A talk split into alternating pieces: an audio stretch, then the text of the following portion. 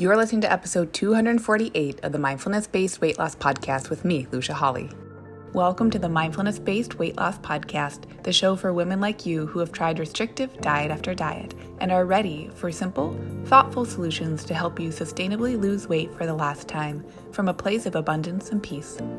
If you're looking to end the yo yo of comfort eating and rigid weight loss protocols and instead step into living your life mindfully on your terms while losing weight in the process, you're in the right place. Hello, hello, party people, team, buddies, all of you. Hello, welcome to the show. I am so glad you are here.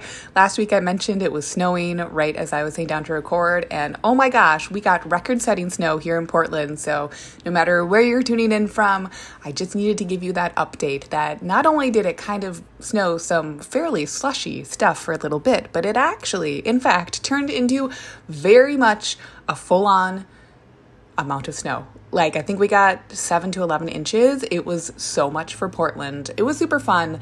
And, you know, maybe fun's not the word for everyone, but if you were safe at home and had the ability to hang out at home, it was pretty, pretty, pretty, really. It was very white a very snowy, snowy way to come into what is now the month of March. So, welcome, welcome. And on today's episode, I titled it When in Doubt, Love It Out.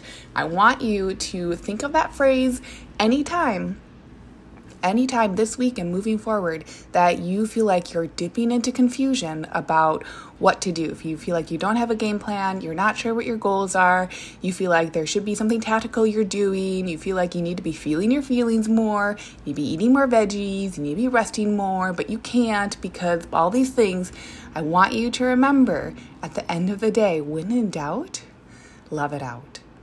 What that phrase means is that to me, it's a gentle and kind of tongue in cheek, a little bit of a cheeky way of remembering what the entire point of creating changes and shifts in our lives is. And if you're listening to this show, that's really what we're doing here.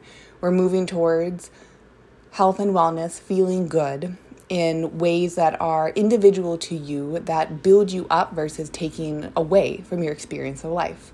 And so when we're creating change, no matter who we are, change is like no one's good at a change when they first start it. But a lot of people and i include myself in this we can feel very perfectionistic. We can feel like we should know we should practice this new thing. I always there's this example that was told to me years ago by someone where they were like listen you can watch all the youtube videos you want of learning how to ride a bike. You can have all the logical information of how to ride that bike you could even research the kind of bike that you're going to be riding. But until you actually have your butt on the seat of an actual bike, you're not going to know how to ride a bike. And that is the same feeling that I think I want you to carry with the phrase of when in doubt, love it out. When you aren't sure, when your brain is really feeling like it has to think a lot in order to move you into habits of wellness, whether it's emotional wellness or physical wellness or a combination of both, which is frequently what we're talking about here, when in doubt, can you give yourself the opportunity to love that you're creating shifts and changes that you aren't entirely sure of? Can you offer yourself space that where you are now might not be where you want to go, but the fact that you have a desire to move towards where you want to go, that's enough for today all too often, and I say this in the self study course, my clients who are listening, this will probably sound familiar, but when we are confronted with change, whether we're in that change or contemplating the change, whether we're starting to like prepare to move towards that change, our lizard brains, which are the brains that are, I would say, more in charge of our like stress response, the fight, flight, freeze response, or fawn as well when our lizard brains feel like they need to be in charge, they're going to just try to keep you safe. And one way of staying safe is to be confused. Because it can feel safer to stay put and feel confused, confused, confused versus being confused and trying something anyway. Because to the lizard brain, trying that thing can feel very dangerous. What if I try it and I fail? What if I try it and I look silly? What if I try it and it doesn't work? Those what ifs those come from the lizard brain. Usually they can feel like they're coming from logic. Oh, I'm just thinking through my options. What if this happens? What if that happens? But just for this week, I want you to play around with when in doubt, love it out. When you're in doubt about something, how beautiful. Not that it has to feel great, but can you offer your, yourself the imagery of here you are, a human having a human experience? It's not going to be all perfection and butterflies and roses and unicorns and rainbows. There will be challenges. Let's expect this is this whole episode sounds kind of corny as I'm saying it, but like let's expect the unexpected. But truly, I was doing I was on um, an acquaintance's podcast last week and we were talking about how all too often and I do this a lot too. I I love to plan like big picture things. Because for me, then I can fill in the spaces of what my days look like, what my weeks look like, you know, the, the plan of a year or two years. I love to have tangible, concrete things I'm moving towards. But here's the thing planning only gets us so far. And I say that as someone who often coaches on planning, on the tangibles that we talk about a lot on this show planning only gets us so far. And from there, we then do have to shift into showing up to the plan, taking the action of the plan. And that's where the rubber hits the road in terms of allowing yourself two things. One, to think thoughts and do things anyway. And two, to feel feelings and do that anyway. I don't know how often we're taught that in our culture at large, especially for those of us who have been socialized as women. I know we're taught to take care of a lot of things, to like, you know, tie pretty little bows on things, maybe not as literally, but pretty figuratively there, like take care of the stuff. But I think that gets us into this place that can feel murky and confusing when it comes to our own health and wellness because health and wellness is a, ever fluctuating. We'll have different stages of life that will require some different things from us.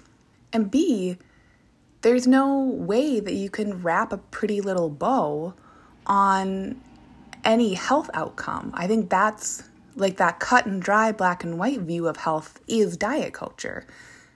That's where it's like get down to the scale weight, then you'll be happy. And even if diets aren't saying that, a lot of the times that's what they're implying. Do the four week challenge, and then you'll have things figured out. But what do we all know? We know because extreme dieting fails us so frequently, literally because you can't live on an extreme diet for life. Even that is kind of cut and dry, ironically. But we feel like, and we take things on personally when we feel like something hasn't turned out. And sometimes I just sit here and wonder is that because we actually haven't felt permission ourselves that there won't really be an end goal to a lot of this stuff. A lot of health and wellness is just, you know, you've heard the term healthy habits. And like I said, the healthy habits might shift over time. Okay. But there's not going to be a discontinuation of the basics of health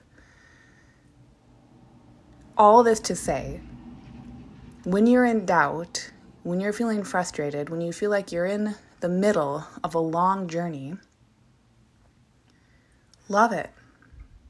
It's the point.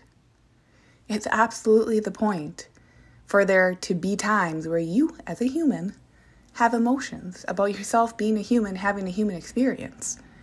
You're learning how to ride the bike. Maybe a lot of us have started at different points on that bicycle learning journey. Maybe some of us had someone to show us and teach us how to ride the bike before. Cool, what an honor. Maybe some of us are really having to teach ourselves for the very first time by ourselves. Look, you're here, you're doing it. That's what is empowering about a health and wellness journey. The health markers, we love that. The feelings of increased vitality, so good. Sleeping well at night, amazing.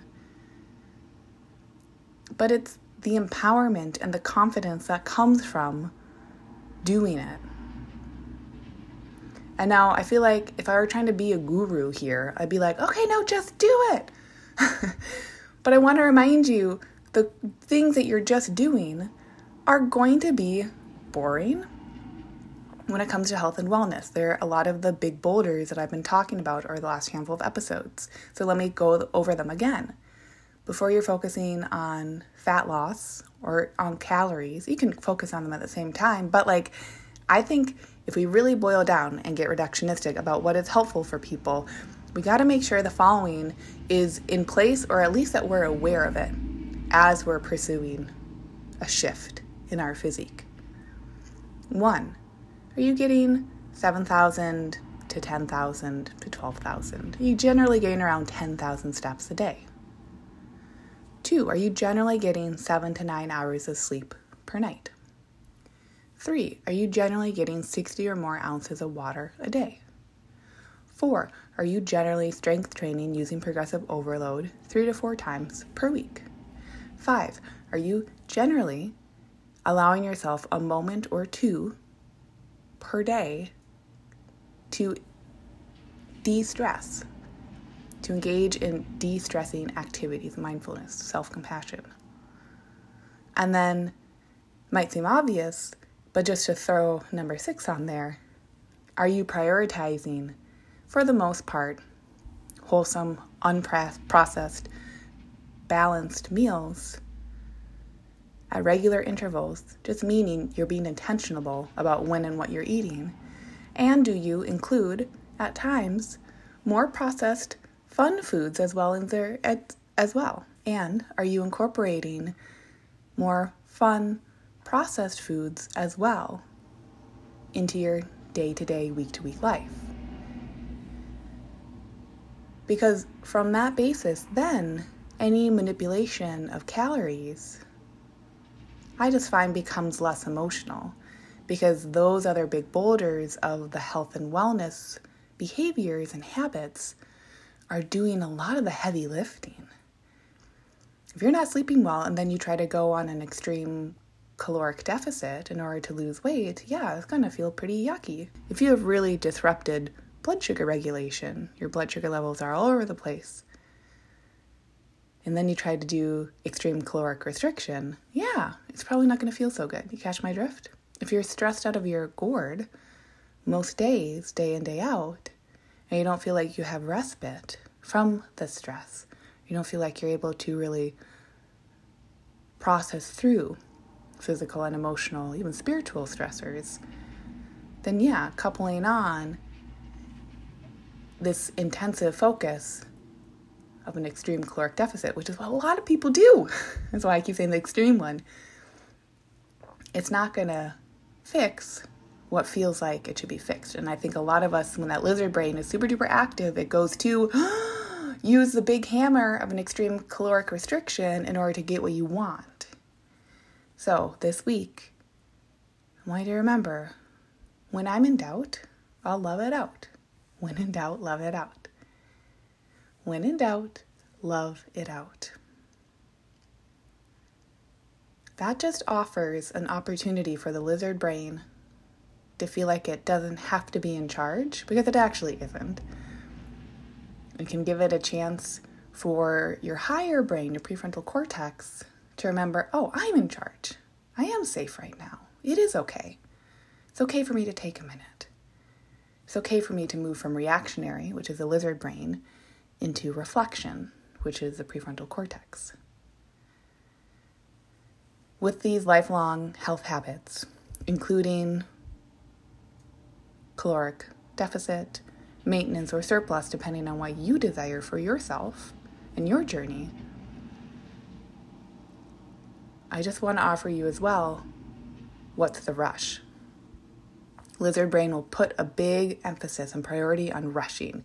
Do it faster, should have been done yesterday, finish it off, you never have to do it again. So, when in doubt, love it out might mean that you take that pressure off of the time frame that lizard brain is setting on all of this. So, I'll leave it at that for this week's episode. Thank you so much for being here. I have an exciting episode for you next week with a guest interview with my friend Lily. And I will leave it at that.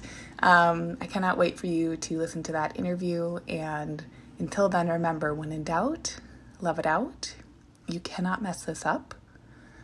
What's the rush? And this process is for you by you. So until then, bye.